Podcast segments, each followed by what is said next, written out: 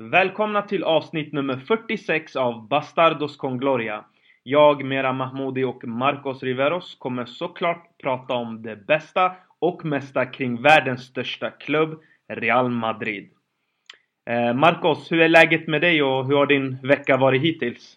Hejsan! eh, Det, det är jättebra med mig faktiskt och veckan har varit jättebra hittills. Mm. Eh, med tanke på vad som hände i helgen. Just Hur är det själv då?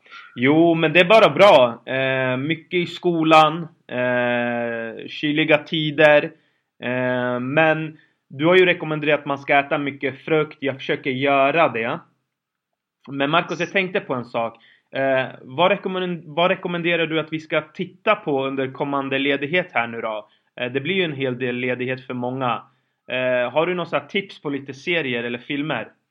Ja, så serier. Jag följer ju egentligen... Det är två serier jag kollar på. Berätta! Och, eh, det första det är Mr Robot. Eh, Ja. den, är, den är ganska mörk faktiskt. Den är, så jag kanske inte ska rekommendera att kolla på den nu när det är så mörkt ute. Eh, men eh, den är spännande. Sen är det ju Suits. Just det. Ja, den har jag hört mycket om.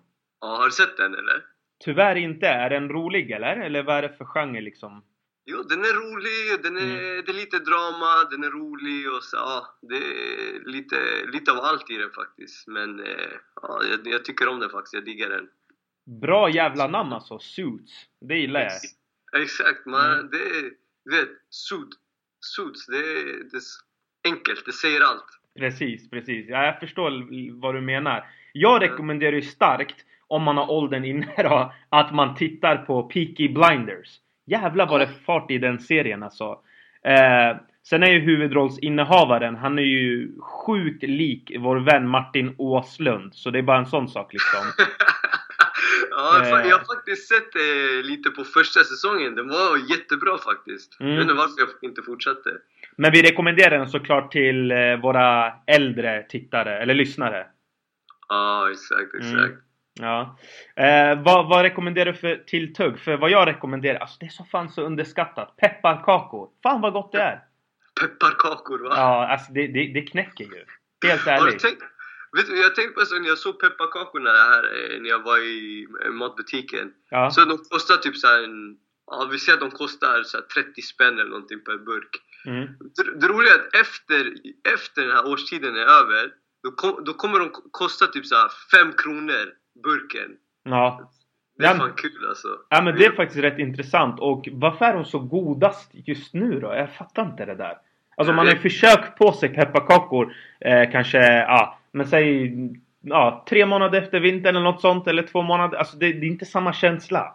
Nej, jag håller med. Och har du någonting som du gillar att ha till pepparkakor? Eller gillar du bara pepparkakorna så som Alltså du det vet? kan ju ibland vara te såklart. Eh, men mjölk. Alltså helt ärligt. Mjölk Ja. och pepparkakor. Ja, jag det- håller med faktiskt. Det är- Mjölk, det är, oh, alltså det, det måste. Det är Mm. som, eh, som BBC, du vet. Det är mjölk, pepparkakor och sen te eller kaffe eller någonting. Ja, precis, precis. Något sånt.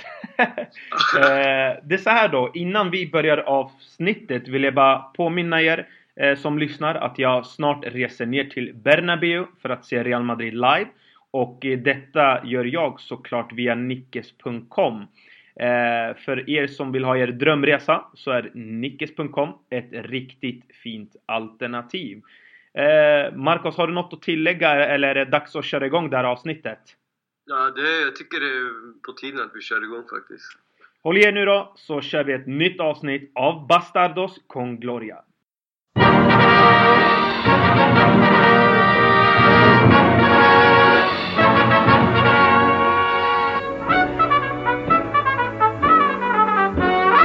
Marcos, mycket har hänt i vår kära klubb. Det finns ju en hel del att ta upp. Eh, nu var det ett tag sedan vi körde ett avsnitt så att eh, eh, vi ger oss in i det goda. Eh, vi kan väl börja med att konstatera att Cristiano Ronaldo är världens bästa fotbollsspelare. Eh, hur välförtjänt var det?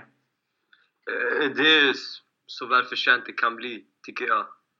Mm. Han har haft det lite tufft nu den här säsongen, men Eh, det, liksom... Vad det, det han gjorde förra säsongen, det, det räcker. Ja men precis. Alltså egentligen, det handlar ju om att prestera när det väl gäller då. Och det, det gjorde han Napoli, Bayern, Atletico Madrid, Juventus. Eh, även liksom slutspurten i ligan. Eh, hur fantastiskt som helst. Gjorde många, många vitala mål. Viktiga mål. Eh, ja, det finns väl inte mer att egentligen tillägga. Alltså, sen kan man ju ha preferenser. Alltså, man kan ju till exempel tycka att Messi är världens bästa fotbollsspelare. Men då kan jag väl hävda och säga att Carvajal är världens bästa fotbollsspelare. Eh, ska vi sitta och ge sådana priser? Vem, vem, vem, alltså vilka kriterier använder vi oss av? Eh, vem bestämmer det? Eh, så att jag menar, det blir väldigt luddigt. Utan man måste ju gå på prestationer och Cristiano, han, det finns ingen annan. Det var, hur, det var så välförtjänt det kunde bli. Ja, jag håller med faktiskt. För att det, det är, så som jag har förstått det så är det ju vem som har levererat liksom, som, när det väl har gällt liksom. Vem ja, som har precis. presterat mest under året. Och ja. man kan inte, alltså hur, vad man än tycker om honom så det är han som har varit där och det ser man på hans siffror. Han har varit där år efter år. Ja.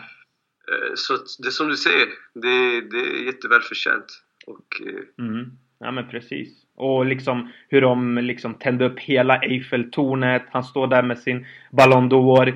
Eh, legender som Ronaldo står där och pratar om, eh, om Cristiano och de menar också på att det var så välförtjänt det kunde bli. Det finns liksom ingen annan spelare som skulle ta det priset just då eh, för föregående säsong då. Så enkelt är det. Ja, exakt. Och eh. det, är, det är svårt att väga in den här, höst, alltså den här hösten i, i om, om, och den väger inte lika mycket som våren. Nej. Så att, att säga att han har haft en dålig höst och att han därför inte förtjänar Guldbollen, det är nonsens för mig. Ja men precis, alltså fotboll handlar om att vrida, alltså tända till när det väl gäller. Det är så enkelt det är. Det handlar om att få med sig resultat och vinna titlar. Eh, sen om de premisserna inte alltid har varit i föregående år, det, ja, så får det väl vara då. Men i år är det så att det var Cristiano Ronaldo som vann och det var hur välförtjänt som helst. Ja, precis. Eh, och det behöver inte betyda att bara för du och jag är Real Madrid-fans att vi säger så, utan man tittar på prestationer. Det är inte svårare än så. Eh, och det bör vara så eh, nästa år och året efter det. Exakt. Och så har det varit innan också. Även när Messi har vunnit. Precis. Han har, han har stått för de bästa prestationerna. Enkelt. Ja. Exakt. Ja. Eh, för att fortsätta på glädjespåret då, eh, Marcos. 5-0 mot Sevilla. Eh, hur kändes det som fan att äntligen se Real Madrid tvåla dit ett Sevilla liksom med 5-0? Inte just att det var Sevilla utan mer att ja, det var ett tag sedan vi kände en glädje i ligaspelet. Det, alltså, det kändes, jag, jag, jag, jag skrev ju till dig där. Ja. Det känns som att jag har vandrat i en öken och sen hittade jag äntligen en oas. Ja. Den där första halvleken, det var ju magi alltså. Det, bara, all glädje bara sprudlar liksom. Det, man mådde så bra. Och eh, ja, det var ju det gamla Real så som, eller gamla och gamla, utan så som Real spelade förra året, så som man vill se dem spela. Det, det var så det gick till. Och jag tycker faktiskt att det betyd, för mig betyder det lite extra att det var mot just Sevilla, för att vi brukar ha ja. väldigt svårt mot just dem. Ja, faktiskt. Och allt det här med Ramos och, och det här liksom att de, de är lite extra anti-Real. Mm. Så det var ju skönt. Absolut. Ja men rivaliteten finns där såklart och att tvåla dit Sevilla liksom Det kunde inte bli bättre. Och det gjorde man ju också Marcos eh, Med rätt många nyckelspelare som saknades just i matchen då. Eh, om vi tittar liksom på laguppställningen eh, Achraf, högerback, Vallejo, Nacho eh, Lucas Vasquez, eh, Asensio eh, Också liksom spelare som inte vanligtvis startar. Eh, av de som brukar sitta på bänken då. Vem imponerade på dig mest då? Av så kallade bänkvärmarna? Ja, de så kallade bänkvärmarna. Jag tycker det, det, är väldigt tråkigt med, alltså inte tråkigt så, men tråkigt svar kanske att det är just Asensio. Men jag tycker han styrde och ställde liksom, allting gick igenom honom när det väl hände grejer. Och jag tycker att hans sättet han spelar på, liksom att han inte kladdar lika mycket på bollen liksom, och kör liksom direkt, han har ett mål. Sen blev jag väldigt eh, positivt imponerad av eh, Vallejo också. Jag, tycker, jag, jag älskar backar, så att jag såg liksom vad han, han var liksom... Han plockade ner allihopa. Ja. Och Akraf, vad ska man säga? Han är ju klar. Det är bara att köra, slipa lite inlägg så är han klar liksom. Ja, han, som helst. han måste ha typ Europas sämsta inlägg. Ja, absolut.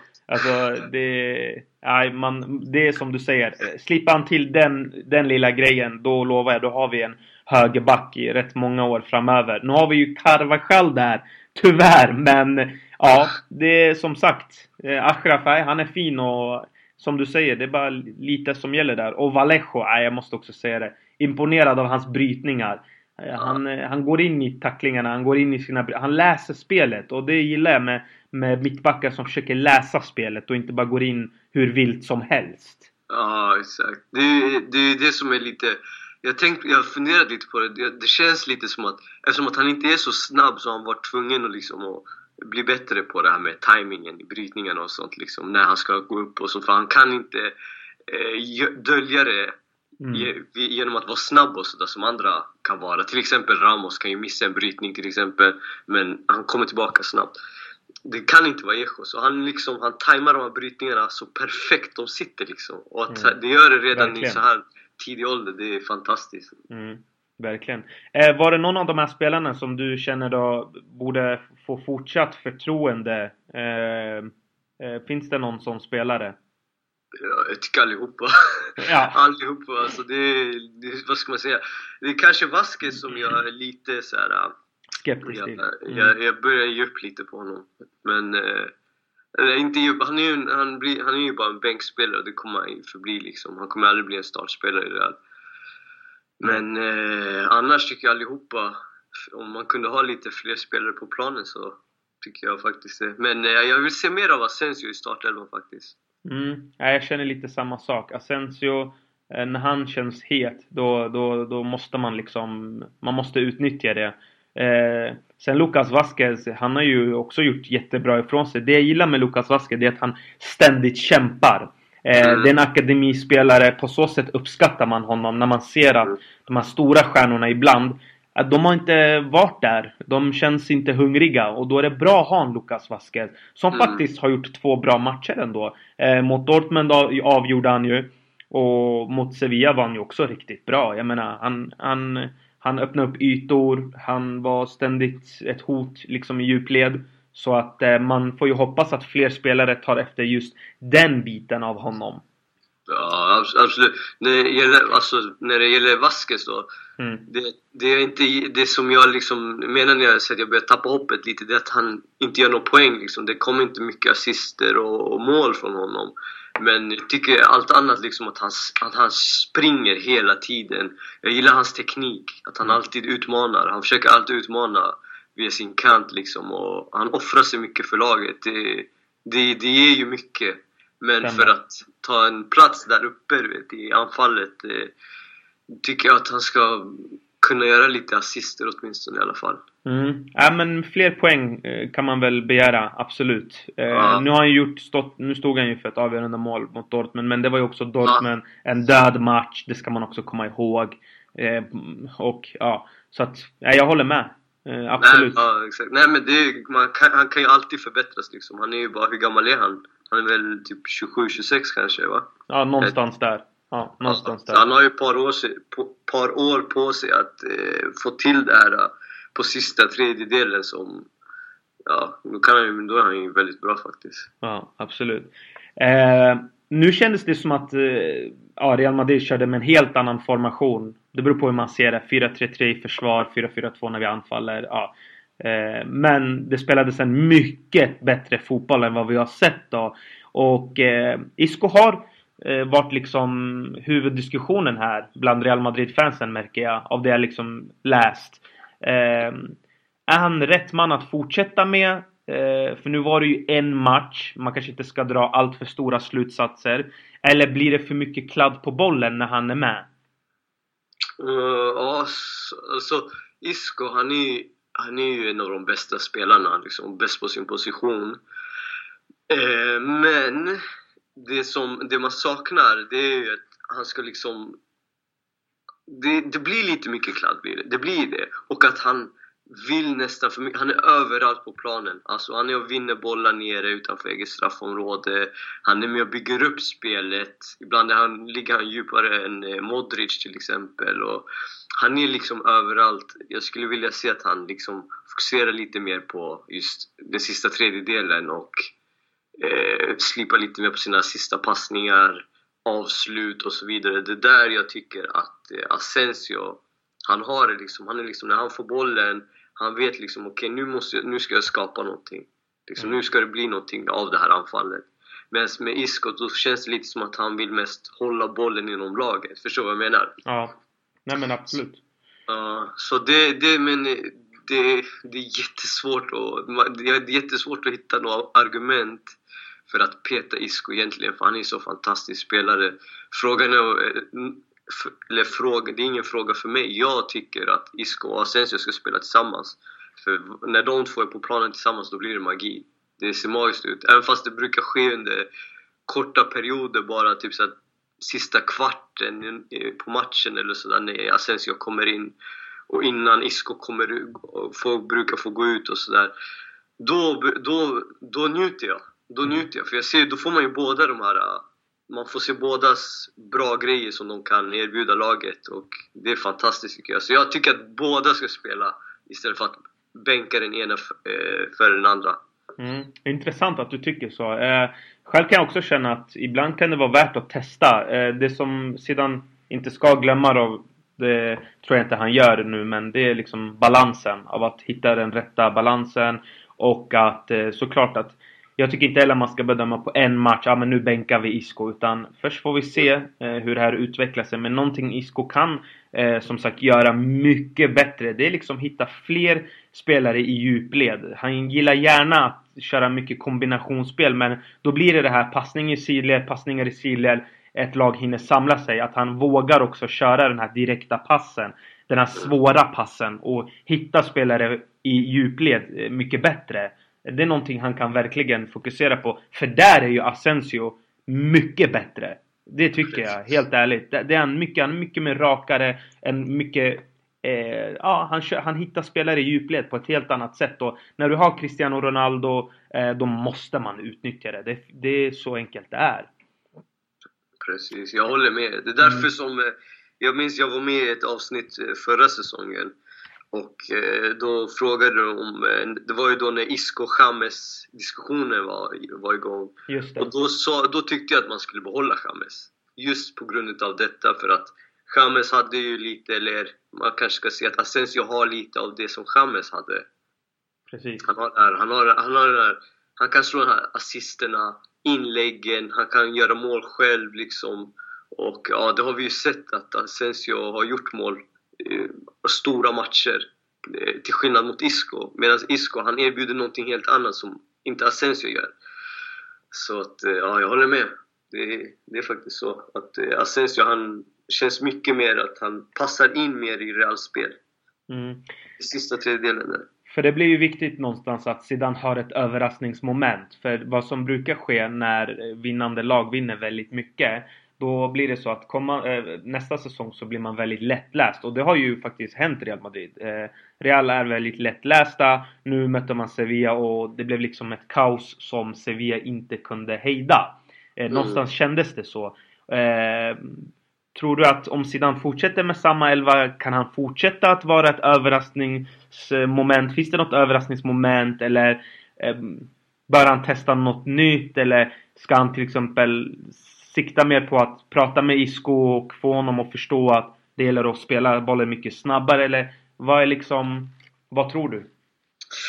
Ja, alltså jag, jag, tror inte han kan förändra Isco liksom och få honom att bli mer rak i sitt spel. För att det skulle också för, kanske förstöra lite av det fina med Isco. För att eh, man, man vill ju se honom, Isco, med sitt kombinationsspel och sin fina teknik och så här. Och det behövs ju också det. Alltså det ju, han har ju löst många situationer genom det.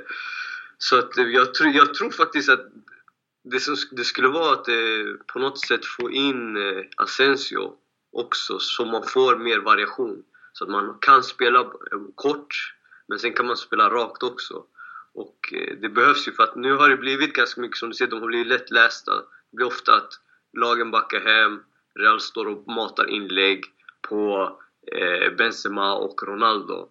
Och eh, det, det, blir inga mål så, på det sättet. Det är ju bara två spelare i straffområdet mot sex motståndare i straffområdet och sen har vi yttrarna, ytterbackarna som står och matar inlägg. Och eh, sen mittfältet som står och samlar upp bollar. Det, det, det kommer ju ingen vart, det leder ju ingen vart. Det blir inga mål. Vi ser ju Ronaldos eh, facit hur det ser ut, eller målproduktionen, den är inte så bra den här i år. Nej. Och eh, så därför tror jag att det vore bra att få in också en, ett rak, en rakare spelare. I, för att det blir som att Isco och Modric på, på sätt och vis har ungefär, de uppfyller ungefär samma roll när de spelar. För att ja, båda kör liksom, samlar upp spelet och sådär. Det skulle vara skönt att få in Asensio och som kan köra lite rakare, som kan dra på ett skott från 30 meter rakt in i krysset. Alltså förstå, det, man behöver lite mer sånt så att motståndarna inte vet riktigt att ja men här kan vi bara backa hem och stå och nicka undan bollar i 85 minuter. Mm. Ja, men jag, jag, jag håller fullständigt med. Eh, förhoppningsvis eh, kan Zidane vända lite på den här säsongen och hitta lite överraskningsmoment som vi kan använda oss av mot lag som backar djupt eh, eller försöker låsa vårt spel. Eh, nu har man ju sett att väldigt många lag kör liksom blockspel mot Real Madrid. Man, man skär av zoner eh, och då blir det väldigt svårt för Real Madrid när man flyttar boll så långsamt. Så här gäller det att snabbt passningsspel, ett bättre tempo och att man faktiskt när man ändå kör en diamant och överbefolkar centralt, då måste Kroos, Isco, Modric, de här kreatörerna på mittfältet tillsammans bilda en starkare central eh, formation. Annars blir det ibland att Kroos, han hamnar på en kant, Isco hamnar också på en kant. Det här måste också lösas på något sätt, tycker jag. Eh, men vi får väl hoppas att Zidane har tänkt på det här och att eh, det finns överraskningsmoment som Real kan använda sig av. Ja, sen ska vi inte glömma heller att Bale kommer väl förhoppningsvis komma tillbaka någon gång också. Ja, men precis. Och, och då kan man ju gå tillbaka, kanske gå tillbaka till 4-3-3 kanske och då, då kan man ju gå tillbaka till lite hur man körde förra året, eller för förra året då. Kanske ja. man ska säga. Mm. Så det finns ju det finns alternativ och jag tycker att det, som du säger, det är dags för Zidane att ta tag i det här för att eh, det som det har sett ut fram till Sevilla-matchen, det duger inte. Nej. Eh, intressant. Eh, och på tal om överraskningsmoment då. Eh, lottningen i Champions League. Eh, man satt ju spänt där och väntade på vem motståndet skulle bli. Man hoppades ju klart inte på Paris Saint-Germain. Men nu blev det PSG. Eh, det var de lottningen föll på. Eh, Xabi Alonso. Mm. Han är bättre med fötterna än händerna som Arbeloa menade på. Men Arbeloa menade också att såklart att vi är ju Real Madrid. Här räts man inte för någon och ska man vinna Champions League så ska man ju slå ut alla lag. Eh, hur ser du på dubbelmötet då mot PSG? Ja, jag tycker, jag, jag, jag ser positivt på det faktiskt. För att det har varit mycket snack om att många som eh, kritiserar Real, de kan säga liksom att ja, men de får möta Schalke eller, eller vad det nu är. Ja. Nu, nu, nu får vi möta de som sägs, påstås vara en av Europas bästa lag. Och eh, det är bra tycker jag. Jag tror vi, jag, jag tror vi tar dem faktiskt. Eh, eller vi har en stor chans att ta dem, så det, det blir en jättebra match och eh, jag ser fram emot det faktiskt. Och det positiva det är att det är två månader kvar dit också.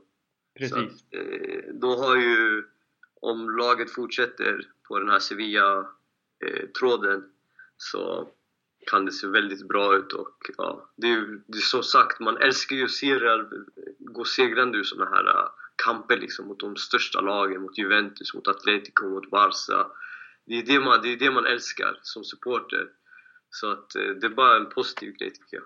Mm, absolut. Eh, jag känner lite samma sak. Alltså, PSG visst, det är ett topplag. De har spenderat miljarder. Eh, Mbappé, Neymar.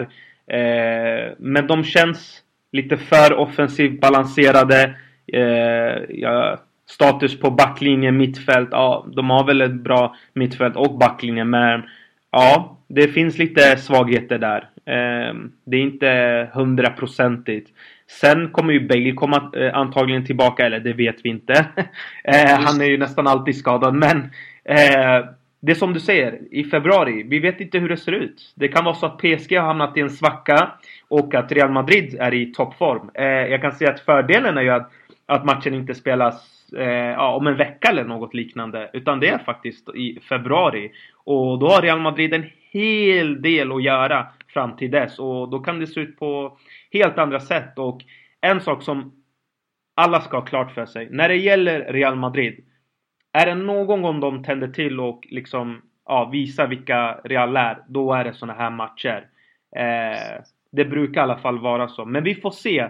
Helt klart en intressant lottning. Eh, PSG, ja vi vet ju, de har pressen på sig. De har spenderat miljarder. Det gjorde man inte för att vinna liga. Det gör man utan de här miljarderna. Utan det gjorde man för Champions League. Precis. Och det blir svårt, det är svårt för eh, PSG också att själva veta vart de står kanske. För att de vinner ju varje helg alltså. Det är inget, det är inget snack om saken. Det är som att de kör träningsmatcher i ligan. Och sen kommer de här matcherna i Champions League och då möter de riktigt motstånd och då förlorar de med 6-2 eller 6-0 eller vad det var. Förstår du? Så det är, det är svårt att veta vart de står för oss och det är svårt för dem själva kanske att veta vart de står. Medan Real eh, testas ju varje vecka i spanska ligan och så. Ja. Nej men så, så är det ju. Eh, det är jättebra, eh, jättebra argument. Men såklart, man ska ju se upp med PSG, Neymar, Mbappé, Cavani. De kan skada vilket försvar som helst i världen. Det gäller för Real Madrid att ha koll på de här grabbarna. Och nu är vi också första matchen utan Carvajal. Och det är ju Neymar på den kanten.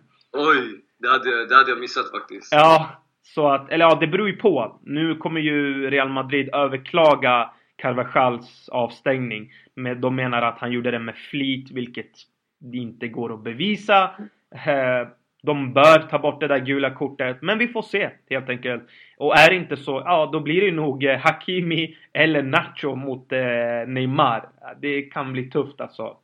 vem hade du föredragit? Ska jag vara helt ärlig så hade jag föredragit Nacho. just på grund av att jag vet att det är, första matchen är ju på hemmaplan va? På Bernabéu. Det tror ja, jag att det är. Ja. ja, ja. Eh, Real kommer gå framåt. Real behöver ett bra resultat. Och det innebär att man inte får släppa in mål på hemmaplan. Alltså max ett då i så fall. Och PSG som bekant, vi har ju pratat om det, deras styrka ligger i den här trion. Eh, och här måste man täppa igen och då är Nacho det bästa valet. Han kan spela på alla platser, han kommer vara stabil. Han är snabb, vilket man behöver vara mot Neymar följsam. Eh, så att jag skulle gå 100% för Nacho. Eh, det kan ses lite passivt men nej, det är Nacho som gäller för mig. Mm. Ja. ja, nej jag håller med faktiskt. Mm. Men eh, vi går väl vidare till transferrykten. Eh, det blir ju passande eh, när det ryktas om Neymar 24-7 till Real Madrid. Eh, Mbappé som var nära, Cavani, Verratti, Thiago, ah, you name it. Eh, mm. Men så är det ju med Real Madrid. Men nu måste vi blicka framåt här. Vintertransferfönstret då som alla pratar om. Real Madrid kommer göra värvningar. Det tror en hel del, det tror inklusive jag nu då. Jag var skeptisk men jag tror att det kommer in någon spelare. Nu sägs det ju att det blir då Kepa eh, från eh, Bilbao då, målvakten, som är klar för Real Madrid då. Det sägs ju det. De kommer ju lösa det där med kontraktssituationen, det tror jag. Men Marcos, behövs det verkligen en målvakt redan i januari? Vore det inte vettigare att vänta till sommar och gå för de Gea? Uh, ja, jag, jag, jag, tror det faktiskt. Alltså att det vore vettigare att vänta till sommaren. Mm. Tyck, för jag, jag, Navas, han, är, han håller ju. Och eh, ger han kontinuitet och, du vet, och ta in extra konkurrens mitt under säsongen. Hur påverkar det balansen och så här. Så att, eh, nej men det kan vara bra för Kepa att komma in mitt under en säsong också. eh, för framtiden då, för då får han ju liksom sex månaders inskolning gratis kan man säga.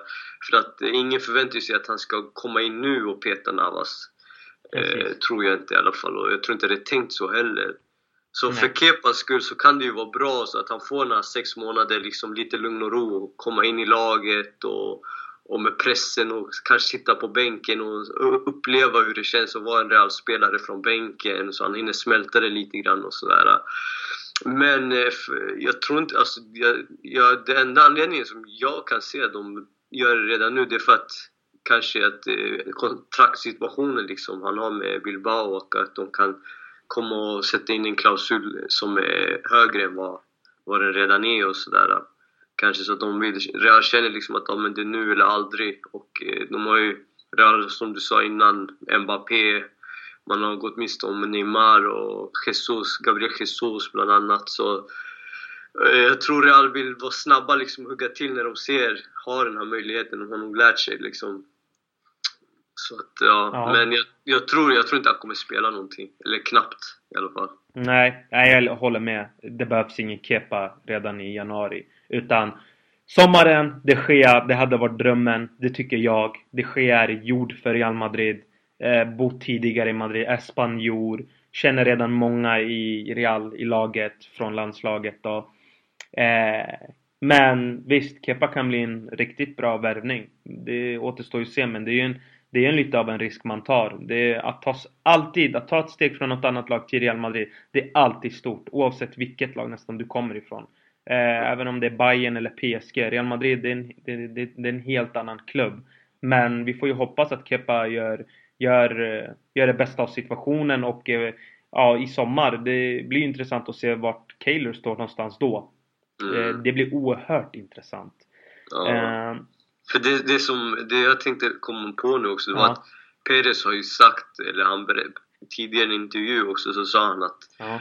nu för tiden handlar det om att hitta den blivande Cristiano Ronaldo. Alltså, när, de, de gäller, det gäller att hitta spelaren när, redan när han är 17-18 år. Ja. Innan han går upp, för nu har ingen råd att köpa liksom eh, ja, men Cristiano Ronaldo eller Messi eller Neymar liksom. Det är ju sjukt liksom. Utan Qatar, man kan inte köpa dem liksom. Nej, så att, eh, så där, han har ju varit inne på det liksom, att det gäller att hugga till när de, innan de blommar ut. Så jag tror det är det han gör nu. Mm. Men eh, De Gea vore ju fantastiskt. Han är ju ja, kanske världens bästa målvakt just nu. Ja, det är han. Men om vi får fråga om, om man säger såhär, De Gea han kostar ju ganska mycket, skulle ju kosta ganska mycket för Real.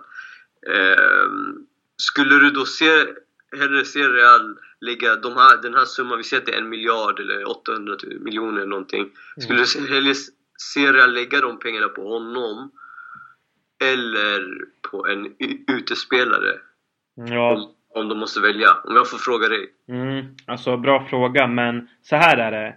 Köper man inte det ske i sommar, utan att man säger att man går för Kepa i januari. Alltså jag har svårt att se när i så fall det sker skulle värvas till Real. Jag tror då, då har det tåget gått liksom.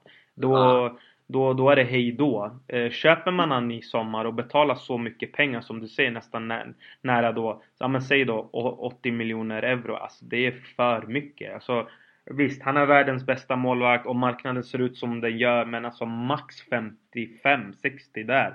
Där går gränsen. Så att någonstans ska man ju också såklart, som du ja, vad du försöker mena här och det är helt korrekt. Alltså, man måste ha en balans. Man kan inte sitta och vänta och vara passiv och så väntar man i sommar och så ska man gå igenom förhandlingarna igen med United som vi vet inte behöver pengarna. De behöver inte pengar. Eh, och då sitter vi där i förhandlingar och så är det 80 miljoner euro eller en miljard eller vad det nu blir för en målvakt. Det är absurt för mig. Det spelar ingen roll om du heter David de Gea och kan vara målvakt 10 år framöver. Det är... Det, nej, det, man måste ha en balans på saker och ting. Och Perez uttal, det, jag förstår exakt vad han eh, syftar på, eller vad han menar. Det går inte att idag värva spelare för 2-3 miljarder eller en miljard eller vad det nu blir. Och så har vi risken att den spelaren inte lever upp till förväntningarna. Det har vi sett. Eh, kanske inte en miljardvärvning då, men vi har sett andra värvningar som har varit dyra. Som inte har levt upp till förväntningarna. Och det har bara blivit en cirkus av det hela. Eh, jag tror att det är rätt väg att gå. Man måste försöka hitta de här diamanterna väldigt tidigt. Eh, och så får man se vad det blir utav det. Men det är så marknaden ser ut idag. Sen kommer Real alltid gå för de här tunga namnen. Men det finns ett mått på det. Man kan inte göra det i vilken utsträckning som helst. Mm. Så tror jag. Eh, men bra, bra att du lyfter fram det. Man måste se saker från två olika sidor. Det är, allt är inte svart eller vitt utan man måste verkligen se det att hur påverkar det klubbens ekonomiska situation eh, och vad får man liksom för värde tillbaka? Eh, men ja, det sker är ju det sker också. Ja, det är ju svårt. Man kan inte säga nej, tacka nej till det här liksom. Om ja, det är finns chansen då måste man ju ta honom. det, är, det är bara så. Ja, det är nästan så. Men eh, ja, till vilket pris också? Ja, jag ja. vet inte. Hans utköpsklausul, vad höjdes den till? Är det 50 miljoner? Nej, det måste vara mer. Jag, vet, jag tror det är mer faktiskt. Det. Ja, jag, jag, jag, jag har inte koll, men jag har för, för mig att den låg omkring där mm. från början. Mm. Men, eh, nu vet jag inte hur det ser ut, men jag tror inte, det finns ingen chans att han blir billig i alla fall. Nej, men säg att den ligger på 50 miljoner euro. Det spelar ingen roll. United kommer att säga 60 miljoner, 70 miljoner. För återigen, de är inte i behov av att sälja honom. Nej, exakt. Så enkelt är det. det ja. Vidare till nästa spelare då som det ryktas flitigt om. Icardi eh, till Real Madrid. Jag kan mm. väl börja med att säga hur jag tycker kring Icardi. Mm. Alltså vi har ju sett ja. att Icardi levererar inte. Det gör han, absolut. Och han har ju själv gått ut och sagt nu att eh, ni alla vet var jag står någonstans. Frugan som är agent, han lägger över på henne. Eh, det säger väl såklart mycket om att Real Madrid har ett intresse för Icardi. Eh, men frågan är hur väl kommer han komma överens med resterande spelare? Det är en intressant fråga som jag sitter och funderar på. Eh, Icardi ja, hur viktig, hur bra han är i spelet. Men så kommer vi till den här diskussionen igen. Ja, men Benzema är bra i spelet, men han gör inga mål. Och kommer det bli tvärtom? Icardi kommer inte vara bra i spelet, men han kommer göra mål. Alltså, det är, en, det är en, också en sån här diskussion. Man måste tänka lite här efter verkligen med vad man säger. Eh, och inte blint stirra på vissa saker. Eh, jag tror att Icardi kan vara en jättebra spelare för Real Madrid. Men Frågan är, kommer han komma överens med Cristiano Ronaldo, möjligtvis Bale eller resterande spelare? Jag vet inte. Vi vet ju att Icardi, eh, och det bör väl de flesta känna till, tycker jag. Icardi har haft lite problem med, med liksom, ja, med utanför planen, alltså vad han gör där. Eh, han har ju varit kontroversiell, haft för sig olika saker. Eh, det verkar vara en spelare som är svår med att göra. Jag tror man måste väga in de här faktorerna. Men återigen, det finns inte så mycket alternativ heller på marknaden. Lewandowski, absolut. Men det kan kosta väldigt mycket. Eh, Agüero, absolut. Men det kommer också kosta en hel del och ja, frågan är hur, hur sugen han är på att lämna City. Eh, och därefter tar det någonstans slut. Det finns inte så mycket mer att gå på egentligen. Mm. Vad känner du? Ja, jag håller med eh, det mesta du sagt faktiskt. Att, speciellt det på slutet, att vad har man för alternativ? Det, det finns inte så mycket. Så mycket. Icardi är ju... Om man... Eh, han är ju han är nu... Den här säsongen eh, står han ju på 16 mål på 16 matcher i Serie A. Ja. Eh, om inte jag minns fel. Och, ja. Mm. och eh, så att eh, han, har ju, han, ju, han kan ju göra mål och det är väl det alla som kritiserar Benzema, inklusive jag, eh, saknar. En anfallare som kan göra mål. Och, eh, men frågan är ju om han, om han och Ronaldo skulle komma överens för att jag har också fått det här intrycket som du var inne på lite grann att ja, han har ju haft, han har varit lite kontroversiell i Cardi och med ultrasen där i Inter och haft problem och ja, liksom allt det här och jag vet inte, det, min magkänsla säger mig att Ronaldo in, kanske inte skulle bli bästa kompis med Icardi. Det är bara min magkänsla. Och eh, hur de skulle fungera tillsammans på planen vet jag inte heller.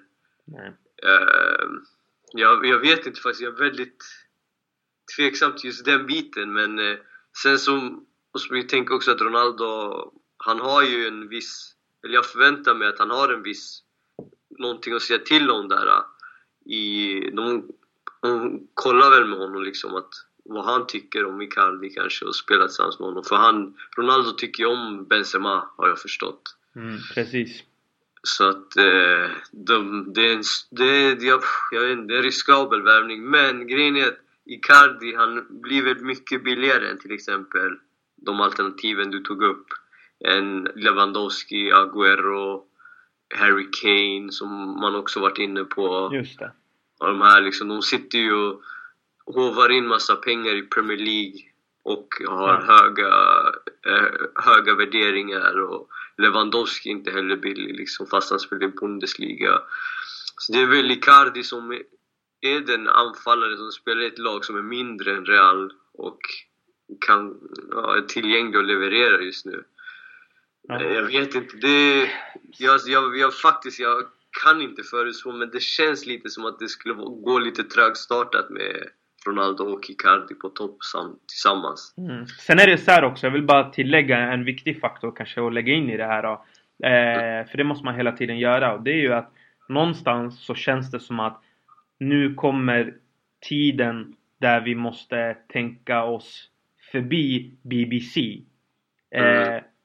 Visst, säg att vi har kvar Benzema och Icardi levererar som han gör och Inter förstärker och blir bättre och bättre och har faktiskt en chans på att vinna en, en, en scudetto eh, och, och kanske möjligtvis en ah, kvartsfinal eller något liknande i Champions League. Då blir helt, då blir helt plötsligt Icardi ännu dyrare och ännu svårare att få loss. Och då har vi en Benzema som känns ju, ja det känns ju som att det här, det, det börjar gå någonstans nu mot slutet.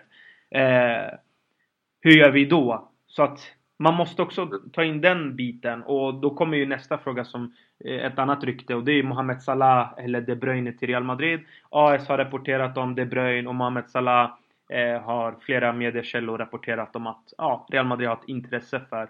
Eh, man måste nästan tror jag tänka en helhetsbild här. Hur vill vi gå vidare efter BBC? Visst, Cristiano kommer säkerligen vara kvar, skulle jag tippa, två till tre år till. Eh, vi vet ju inte med honom. Han är ett fysiskt monster. Eh, men Bale är ju så ofta som skadad. Eh, Perez verkar vara bakom honom. Det är även Zidane. Men där finns det ju också någonstans eh, en gräns. Och Benzema, ja vi vet ju oerhört, oerhört kritiserad. Delat Real Madrid-fansen i två läger. ganska tydliga läger. Så frågan är hur vill man gå vidare? Är det Icardi, De Bruyne, Icardi, Mohamed Salah eller ja, här måste Real Madrid vara verkligen smarta. Man måste kanske titta i egna ledet till att börja med där. Behövs verkligen Mohamed Salah eller De Bruyne? Ja, men då har vi Isco. Eller är det ja, Benzema? Ska man ge honom en ytterligare chans och det kanske dyker upp en annan talang? Jag vet inte. Vad ser du på det här? Mm, ja, jag håller med. Jag tänkte också på Bale där. För att eh, om eh, Icardi kommer, alltså med Icardi i laget så kan man ju köra om Icardi och Ronaldo på topp. Då har man två anfallare som kan göra mål. Medan med Benzema blir det inga mål liksom. Och eh, då utgår jag från att man säljer Bale i, ja. nu i sommar faktiskt. Och går vidare från BBC-eran som du, som du också var inne på. Och eh, Salah, jag älskar honom. Alltså, han är min... Han är min... Han är, det, han, jag har honom i mitt fantasylag, förstår du? Det, det är ingen snack. Samma han sak här. Han drar in alltså. Verkligen. Han är ju kaptenen ikväll vet du, så... Två ah, mål, exakt, exakt. men nu sägs det att han är skadad. Eh, Nej. Så att, eh, ja, jag vet. Det är kaos. Så att, eh, men, men! Jag har lagt vicekaptensbilden på Harry Kane, så att så orolig är jag ändå inte. Men vi får se. Ja, nej men eh, så, ja. så, så, Men grejen med, med Salah så måste man ju... Eh, jag, jag älskar Jag skulle älska att se honom i Real. Alltså, vi har inte haft... Sen Robben, alltså han... Ja men jag älskar, jag tyckte om Robben och jag tror Salah skulle kunna göra det. Robben gjorde fast mycket bättre också när han spelade i Real. Eh, men då måste man ju gå tillbaka till det här 4-3-3, eller ja 4-3-3. Mm. Och eh, som han, jag, jag, jag kan inte se honom spela någon annanstans än på kanten. Nej. Och, och vart lämnade Isco? Precis. Vad hände med Isco? Ja. Vad hände med Asensio? Mm. Eh, och så vidare. Och köper man in Icardi och Salah, mm. ja, då, då måste ju de två spela. Ronaldo petar ingen. Eh, så att det, det, det beror helt enkelt på hur eh, de vill spela i framtiden. Och eh, ja, det, som sagt, vi har ju Isco och Asensio nu och jag vill inte se någon av dem försvinna. Nej. Så, att, eh, så att det är svårt. Salah, jag, jag, jag gillar honom väldigt mycket men kanske lika bra att han stannar i Liverpool. Men ja. ja. jag vet inte, man kan inte säga nej till en sån spelare heller så det, det är jobbigt faktiskt. Verkligen, alltså av döma av våra diskussioner här eh, så kan vi ju konstatera att det är tur att du och jag inte är tränare för Real Madrid. eller, ja, eller president för Real Madrid. Men det vi också kan konstatera är att vi går onekligen mot en intressant tid. För alla Real Madrid-supportrar är det här en otroligt intressant tid. Frågan är vad gör vi i vintertransferfönstret och vad gör vi i sommar? Och hur bör vi tackla BBC? Eh, det ska bli verkligen intressant. Alltså det kommer intressant. Är det Vicinho som kommer explodera om ett, två år? Eh, är det Asensio? Är det Isco som fortfarande är kvar i Real Madrid? Han har ändå vunnit allt med Real. Vill han gå vidare? Eh, hur länge håller Ronaldo? Han säger att han ska spela tills han är 40 år gammal och fortsätter han göra mål, ja då kan han ju få spela tills han är 40 också. Eh, så det är ingen fara. Eh, ja, kul. Eh, men också man känner stressen. Ja. Så är det. Precis, men ja. som du, jag, jag, jag, tror att BBCs tid är över. Eller jag vet jag är 100%, 100 säker på att BBC är över, kommer aldrig komma tillbaka. Kanske, om vi har tur får vi se dem spela tillsammans nu under säsongen någonting och göra någon bra match kanske. Men eh, i framtiden, jag ser ingen framtid för den trion längre. Nej. Och eh, jag tror att ja, det är Benzema på bänken nästa säsong mm. och Bale i Manchester United. Mm. Tror jag. Kul! Det blir intressant att följa. Eh, och så här är det ju. Det som kommer också bli intressant är ju att eh, ikväll spelar Real Madrid mot Al Jazeera i klubblags-VM. Semifinal. Eh, och man har ju ändå lite förväntningar på klubblags-VM. Man vill ju såklart vinna den. Det är ju en titel. Men och så vet vi att eh, ja, det kan ju skapas väldigt mycket kaos efter ett klubblags-VM. Skador, tröttnad, mättnad med mera. Eh, men eh, en spelare som jag faktiskt vill ska träda fram i klubblags-VM. Eh, det är, eh, eller två spelare. Eh, Asensio är en spelare. Jag hoppas verkligen att han får starta. Eh, jag hoppas att han verkligen visar vad han går för. Men jag vill även faktiskt att Sergio Ramos tar ett ansvar. Eh, han har alltså plockat på sig nu, vad är det?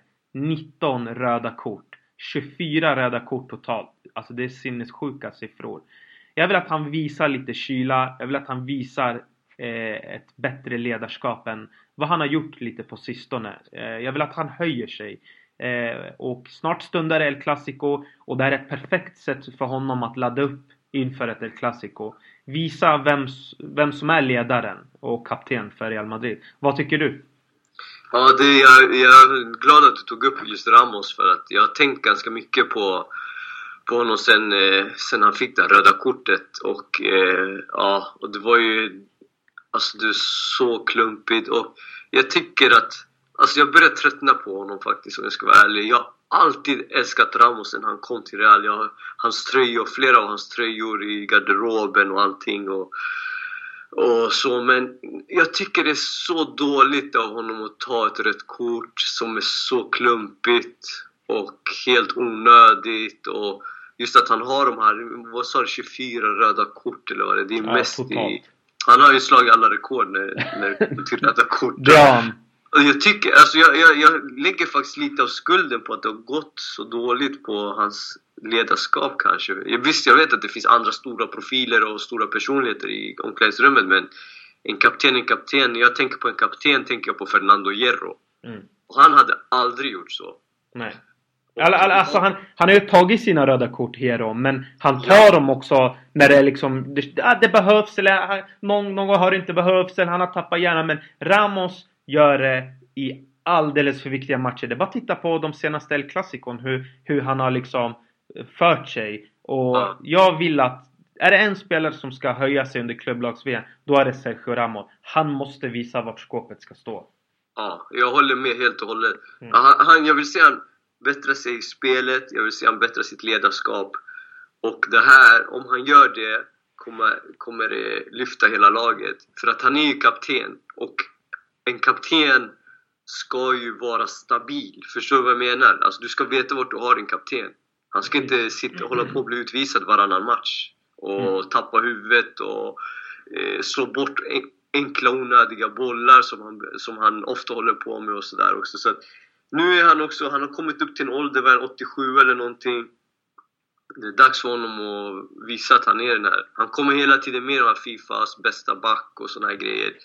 Men eh, och det, man kan inte ta ifrån honom alla målen han har gjort också och sånt, men det är inte hans huvuduppgift. Hans huvuduppgift är att vara stabil där bak och vara det. Snälla Ramos. Det här klubblags-VM och fortsatt matchen därefter mot Clasico och mot PSG och allt det här. Jag vill se honom göra klockrena matcher. Mm. Det, det, det är vad jag vill se från honom.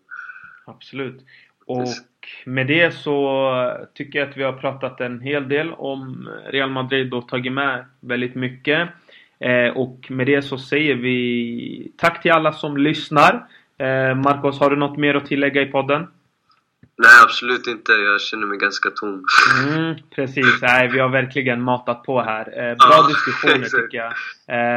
Och eh, snart kommer ju de, snart kommer lyssnarna också kunna se oss. Eh, jag ska inte berätta mer men vi kommer snart, jag och Marco snart kommer ni se i, i rutan någonstans. Eh, väldigt snart faktiskt. Eh, håll utkik inför El Clasico och ganska snart då. Yes, håll mm. ögonen öppna. Ja men precis, så är det. Eh, kul! Tack till alla som lyssnar återigen. Ni är underbara. Eh, ni som visar kärlek och kontaktar oss. Eh, fortsätt med det. Och eh, adios! Adios!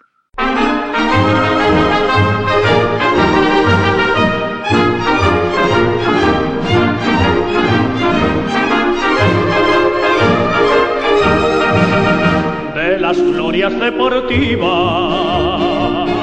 que campean por España, va el Madrid con su bandera limpia y blanca que no empaña, club castizo y generoso, todo nervio y corazón.